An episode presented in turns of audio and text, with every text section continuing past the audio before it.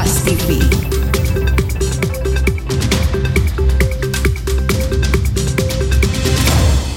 Masih clueless soal finansial, investasi, dan bisnis? Dengerin podcast Cuan di Spotify sekarang. Halo sahabat Kompas TV, saatnya kita kembali mengupdate tiga berita terpopuler hari ini, Rabu 30 November 2022 bersama saya Anselina Tasya. Sahabat Kompas TV di berita pertama, terdakwa Richard Eliezer menangis saat memperagakan bagaimana ia menembak Yosua. Eliezer juga bersaksi Ferdi Sambo ikut menembak Yosua.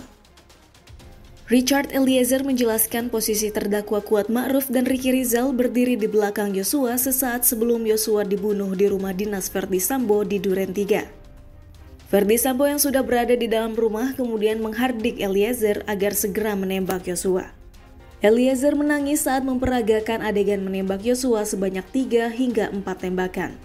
Selain menjelaskan bagaimana ia menembak Yosua, Eliezer juga bersaksi Ferdi Sambo ikut menembak Yosua yang sudah terluka.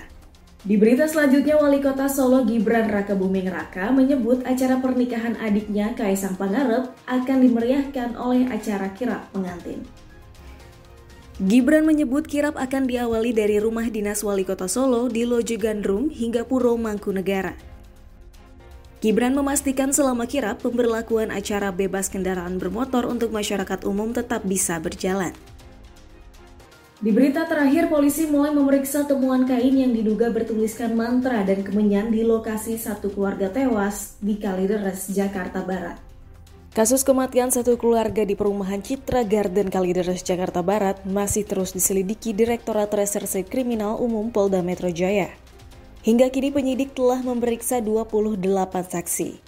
Dari hasil pemeriksaan, korban Budianto memiliki kecenderungan yang dominan dan memiliki sikap terhadap ritual tertentu.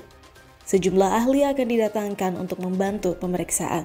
Nah sahabat Kompas TV, itu dia tadi tiga berita terpopuler yang terjadi pada hari ini. Kalau begitu saya pamit undur diri dulu, tapi jangan lupa untuk di like, share, komen, dan subscribe channel Youtube Kompas TV.